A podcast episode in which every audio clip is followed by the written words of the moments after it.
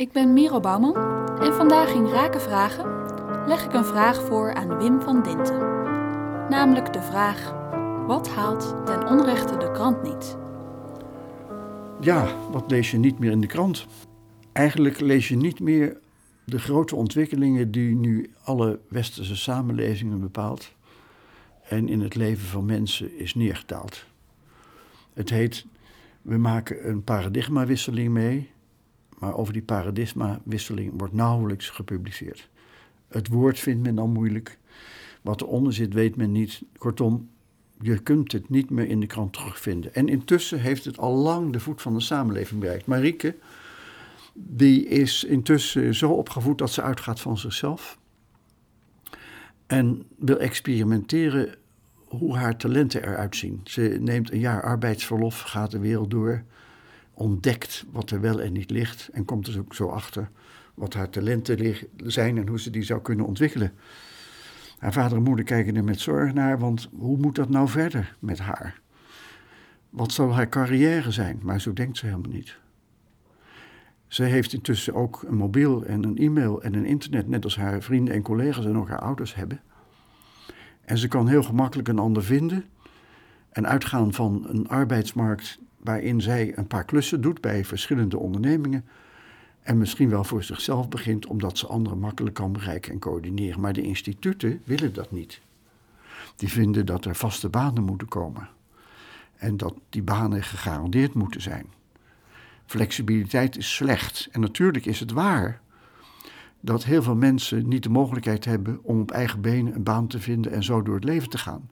Maar stel nou dat we zouden zeggen dat het minimumuurloon 15 euro zou zijn. En dat er een vakbeweging zou zijn die die mensen die minder getalenteerd zijn, zou helpen met een arbeidscontract. Zou dan flexibele banen nog steeds zo slecht zijn? Of is het feit dat de arbeidsmarkt flexibiliseert een teken dat de instituten verouderd zijn, niet mee willen? En dat dat ook de oorzaak is dat een P van de A in elkaar stort, de verbinding met de tijd niet kan maken. Want het is niet meer waar dat je met elkaar om de tafel gaat zitten, een concept bespreekt en dan op je eigen plek handelt naar dat concept. Die tijd is voorbij. Politici staan ook niet meer voor een lijn in de wereld, maar pikken van elkaar wat mensen aanspreekt, zodat ze kiezers kunnen winnen. Democratie is voor hen een spel geworden waarbij de uitbetaling het aantal kiezers is. Een politicus blijft niet meer staan voor een principe, maar gaat voor de beloning in aantallen. En dat is dan ook macht. En daar kijkt de krant weer naar. Kortom, we zijn kwijt wat de onderstroom is in de samenleving. Niet alleen in Nederland, maar ook in Frankrijk en in België of in Duitsland of in Groot-Brittannië of in de Verenigde Staten. En je ziet dat daar twee kampen zijn ontstaan. Eén kamp dat nog steeds denkt in termen van moraliteit. Wij willen samen met elkaar op onze plek onze levens kunnen inrichten, dingen doen, toekomstperspectief hebben en ontwikkelen. En een groep gestudeerden die denkt in termen van stelsels en rechtssystemen, de wereld ordent volgens dat schabloon. En die twee kampen ontmoeten elkaar niet meer. Op het moment dat iemand daarop wijst en zegt dat wat voor mensen aan de voet van de samenleving ertoe doet toch belangrijk is en in het beleid van de regering zichtbaar zou moeten worden, en hij meldt dat in termen van sociale voordelen, dan is hij direct een populist.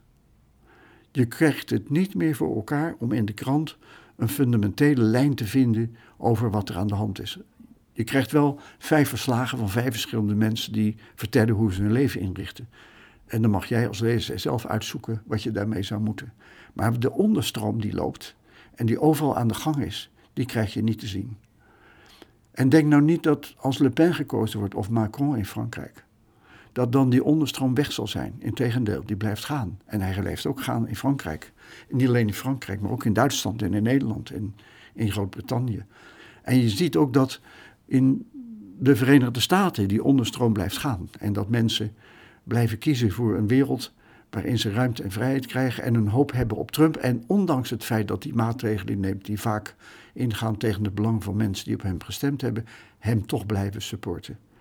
Nee, er loopt een onderstroom waarbij de ruimte die mensen willen hebben om te experimenteren, een toekomstperspectief te ontwikkelen en gebruik maken van de nieuwe mogelijkheden, die lijn, die stroming is dominant. En tast aan de instituten die er waren om alles te coördineren en nu in de weg zitten. Maar dat lees je niet in de krant. Die is gevestigde orde. En je zult in je eigen omgeving moeten zoeken naar wie de winnaars zijn.